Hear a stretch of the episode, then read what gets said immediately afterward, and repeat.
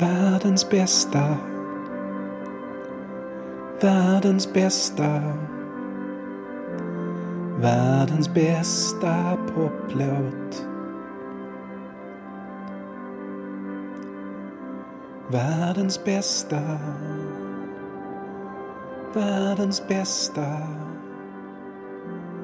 Världens bästa poplåt.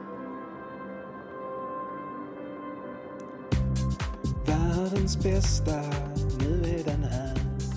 Världens bästa, den är inte där. Världens bästa poplåt står med ett ben i det förgångna och ett ben i framtiden.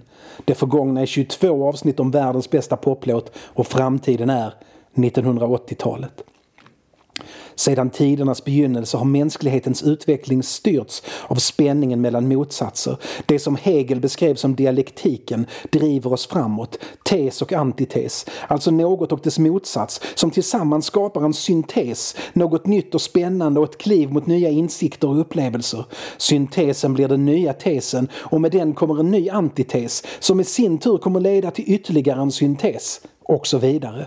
Gårdagens gott i kampen mot gårdagens ont skapar dagens gott som kämpar mot dagens ont för att skapa morgondagens goda. Mest känd för att ha tagit Hegels beskrivning av utvecklingen och använt den som ett sätt att betrakta historien på är Karl Marx. Han menade att mänsklighetens historia är en historia som bäst förstås som en kamp mellan klasserna. Feodalismen hade markägare och livegna och ur deras strid om privilegier och produktionsmedel föds borgarklassen som till slut störtar feodalväldet och träder fram som den nya tesen. Men historien slutar inte där utan den nya tesen kommer med en inbyggd antites. Arbetarna, arbetarna som säljer sin arbetskraft och den nya klasskampen står mellan dem om Marx har rätt eller fel om klassernas kamp eller den dialektiska materialismen, alltså tanken på att det faktiskt inte är gudar eller goda idéer som förändrar världen, låter jag vara osagt. Men en sak är säker, Marx missade den kanske viktigaste motsättningen av dem alla, den mest fundamentala kampen vi människor stått inför och fortsätter att stå inför. En dialektik som aldrig tycks upphöra. Ja, en av de största strider vi människor brottas med förblir oupplöst, tills nu. För nu ska vi en gång för alla avgöra vilket som egentligen är bäst. Vad som är ljus och vad som är mörker, gott och ont, Bond eller Blowfeld, Coca-Cola eller Pepsi. Det är dags för det slutgiltiga avgörandet. Världens bästa poplåt räds inte de stora utmaningarna. Det är dags att till slut, efter årtusenden på årtusenden avgöra frågan synt eller hårdrock.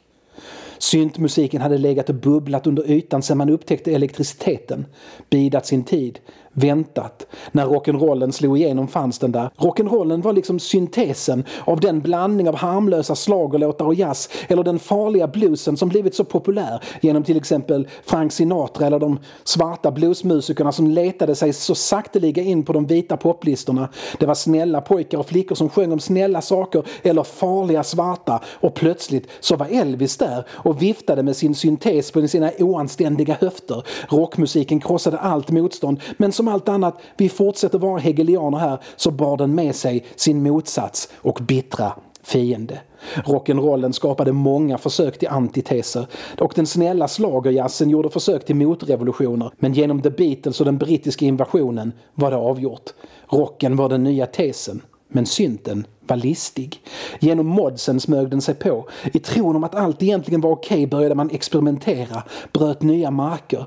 The Who och The Beatles är inte oskyldiga här. De förde in de nya elektroniska instrumenten i sin musik och på topplistorna och satte revolutionen i rullning och när den rullar så är den omöjlig att stoppa.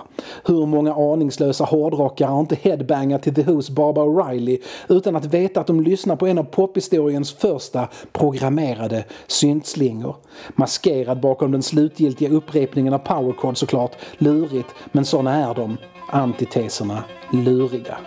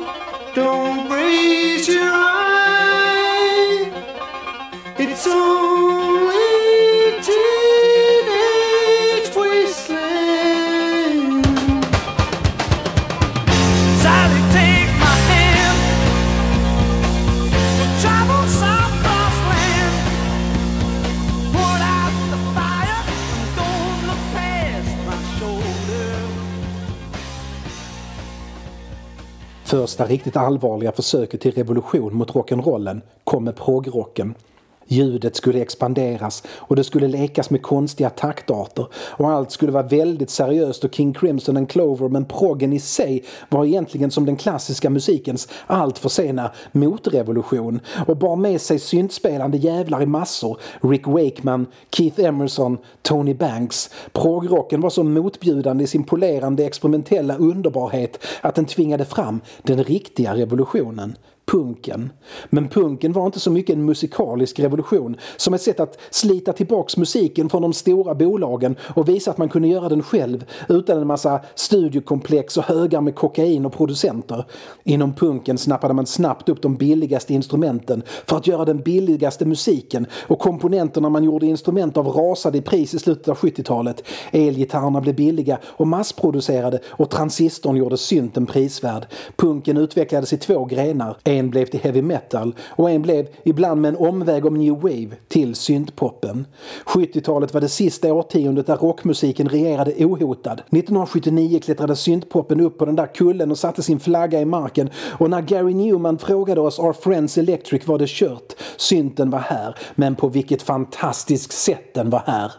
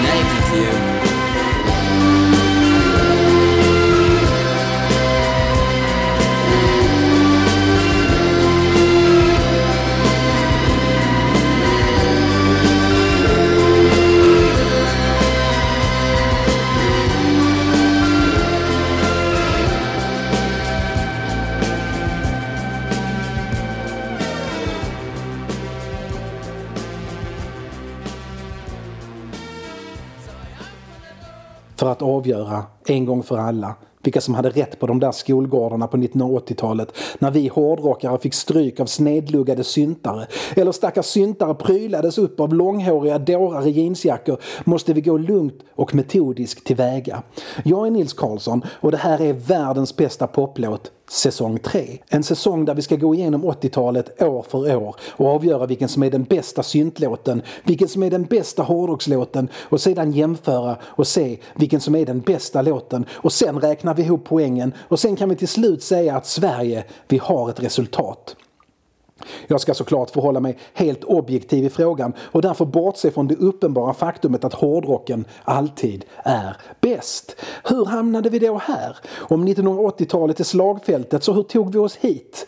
Hur smög sig syntpoppen in i våra liv som rockens antites? Det är svårt att sätta någon exakt början, men egentligen inte. För året var 1961 och antitesernas moder ligger på topplistorna över hela världen. Del Shannons Runaway tar världen med storm för den har en otroligt catchy melodi som sjungs över ett ljudlandskap som inte liknar något annat på topplistorna 1961. De traditionella instrumenten hamrar ut något som närmast kan beskrivas som punk och under det ligger det en ombyggd hemmagjord variant av den franska klavionen. En mycket tidig och ganska misslyckad synt som keyboardisten Max Crook konstruerat i sitt garage med hjälp av leksaker och en lödkolv. Crook, som också skrev låten, finns hela tiden med med sitt unika elektroniska ljud och ta mig tusan om låten inte också innehåller ett äkta synt syntsolo. Vad jag vet det första syntsolo som legat etta på USA-listan och det är helt genialt, som allt annat med låten.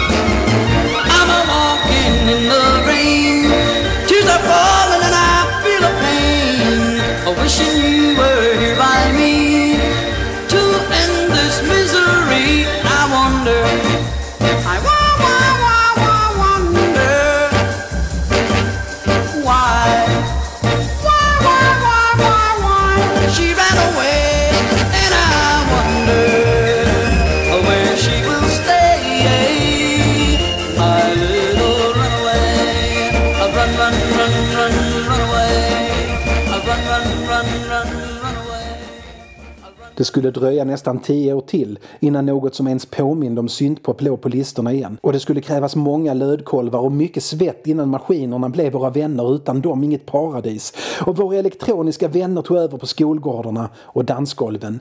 Del Shannon var före sin tid men också väldigt mycket en del av sin tid. Han var klockren amerikansk popmusik. Som den lät före The Beatles startade den brittiska invasionen. Så för att följa syntpopens utveckling reser vi åt motsatt håll. Mot de brittiska öarna och mot den kanske kanske främsta experimentstudion för elektroniska ljud.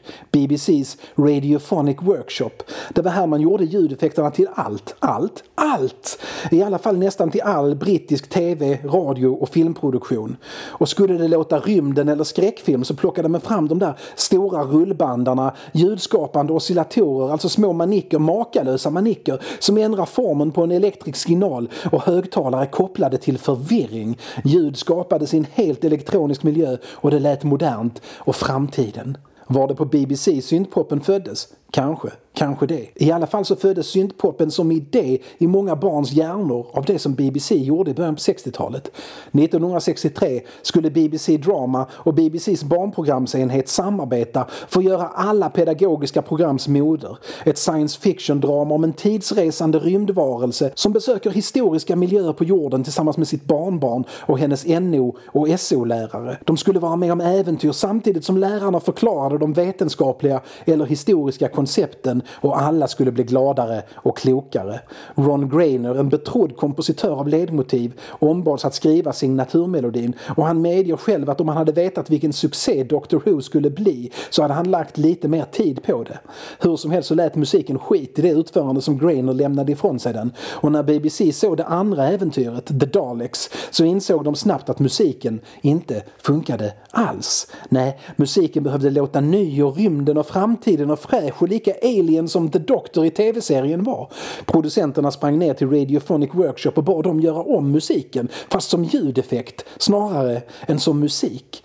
Uppdraget gick till Delia Derbyshire som tog sig an det från grunden. BBC hade ett enormt lager av inspelade ljud och Derbyshire grävde fram ett där någon knäppte på en bassträng. Hon tog ljudet av basen och körde det genom hela maskinhärligheten. Hon skruvade på knappar, reglerade motstånd, drog i spakar och krälade på golvet och drog kablar mellan högtalare. Det korta lilla ljudet av basen förvrängdes till något som inte liknade någonting annat. Hon spelade in det, kopierade och klippte ihop ett band bestående av små, små, små magnetremsor. En av världens första regelrätta samplingar, en av världens första regelrätta loopar.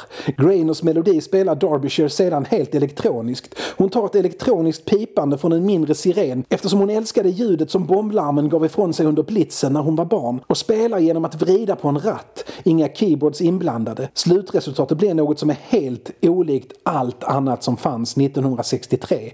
När Grainer hör låten frågar han Derbyshire om det verkligen var han som skrivit allt det där. Det mesta, svarar Derbyshire. Grainer kräver att BBC ska ange Derbyshire som låtskrivare men de vägrar för de har en tanke om att deras ljudeffektsmänniskor ska vara hemliga. Först 50 år senare rättas misstaget till och hon får till slut det erkännande och sina royalties som hon förtjänar. Det hjälper ju såklart henne föga eftersom hon då är död sedan 22 år tillbaka.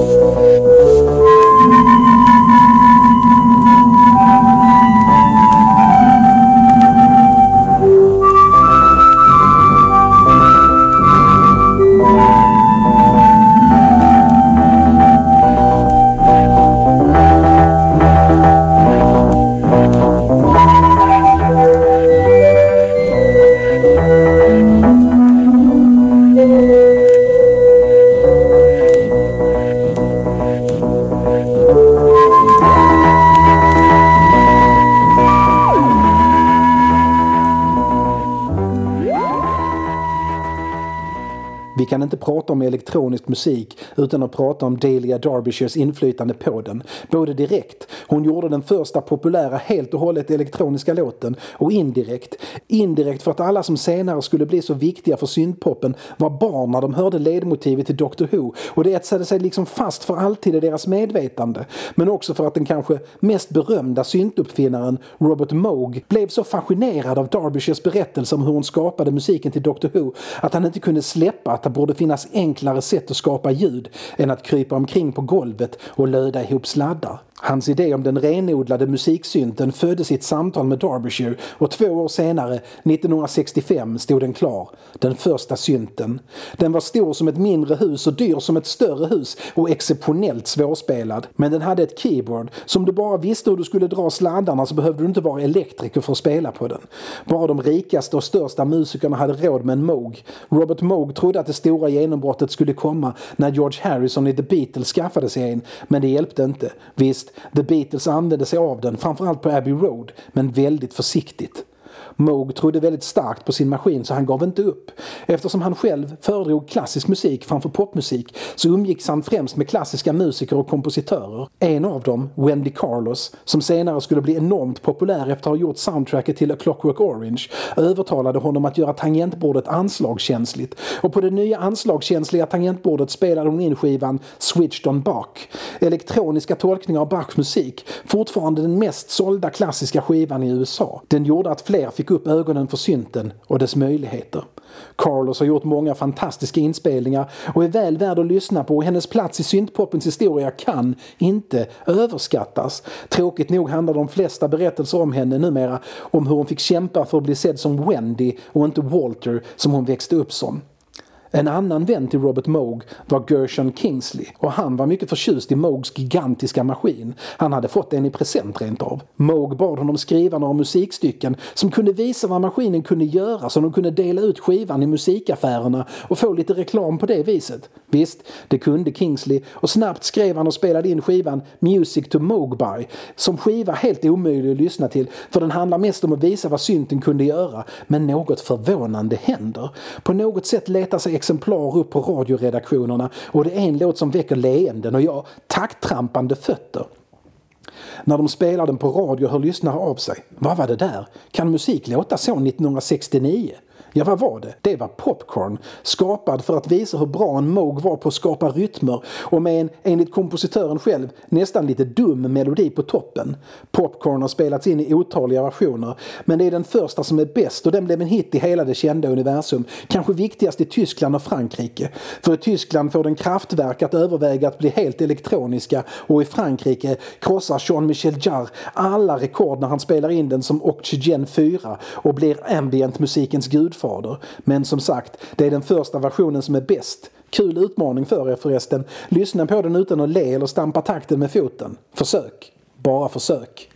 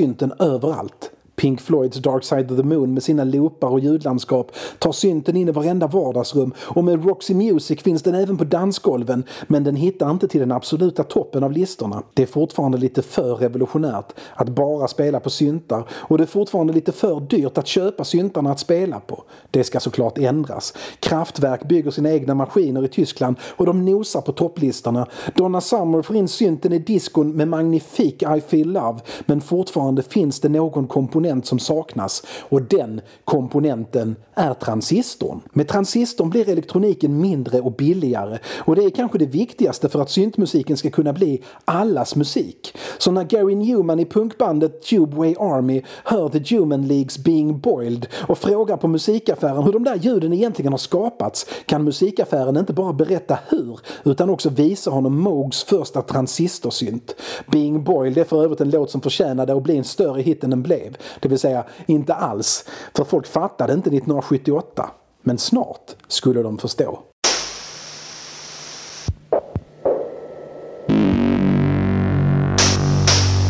Okay, ready. Let's do it.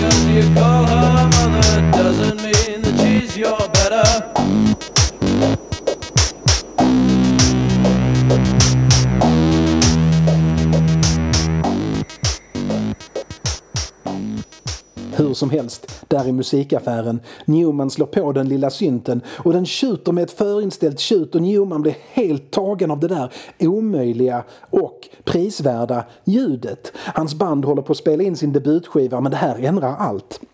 Gary Newman får in synten allt vad han kan på skivan. Och visst, Tubeway Army, som den heter, låter väldigt mycket som en medioker punkskiva som någon lagt lite synt på. Skivbolaget hatade den. Men eftersom de hade kontrakt på två skivor och den i alla fall inte förlorade pengar så fick de spela in en till. Den andra, Replicas, skrev Newman bara för syntar. Inga tramsiga stränginstrument eller trummor, bara maskiner. Det är på den vi hittar av Friends Electric, som faktiskt nästan bara görs på syntar. Nästan. Men vare sig Newman eller skivbolaget vågade ta steget fullt ut till den helt elektroniska musiken. Än. Men det skulle komma. Gary Newman döper om sitt band till Gary Newman. Man kan ju undra hur länge han funderade över det namnbytet. För att kapa banden till punken och spelade in singeln Cars. Cars är bara syntar, bara elektronik och bara pop. Och plötsligt är världen redo. Syntpopens tid är här. Den toppar listorna på båda sidor om Atlanten och efter den finns det inga möjligheter att blicka bakåt längre. För nu fattar skivbolagen också. Det var inte punken som var rockens antites. Det var syntpoppen. Och det är här pengarna finns att tjäna. Det är här revolutionen sker. På svarta och vita tangenter, på dansgolven, på skolgården och i bilarna. Alla lyssnade på Gary Newman. Alla lyssnade på Cars. Cars släpps i november 1979 och ligger etta på Billboardlistan i början av 1980. I nästa avsnitt ska vi se hur hårdrocken tog sig in i 80-talet. Men det får bli då, för idag är vi alla syntare, om så bara för en dag.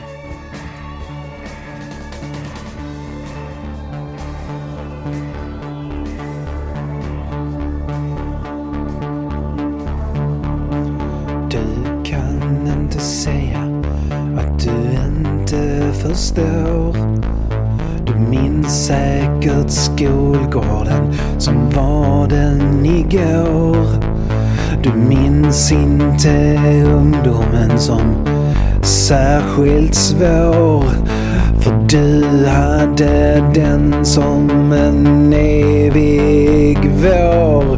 Men jag kan förstå att det inte går att komma ihåg.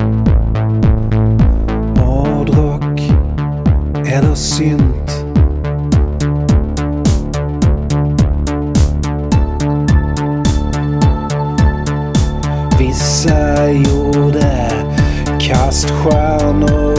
Slöjden. Andra stod ute och lyssnade på Iron Maiden. Men jag kan förstå att du inte kommer ihåg hårdrock eller synt eller hårdrock. Mest hårdrock.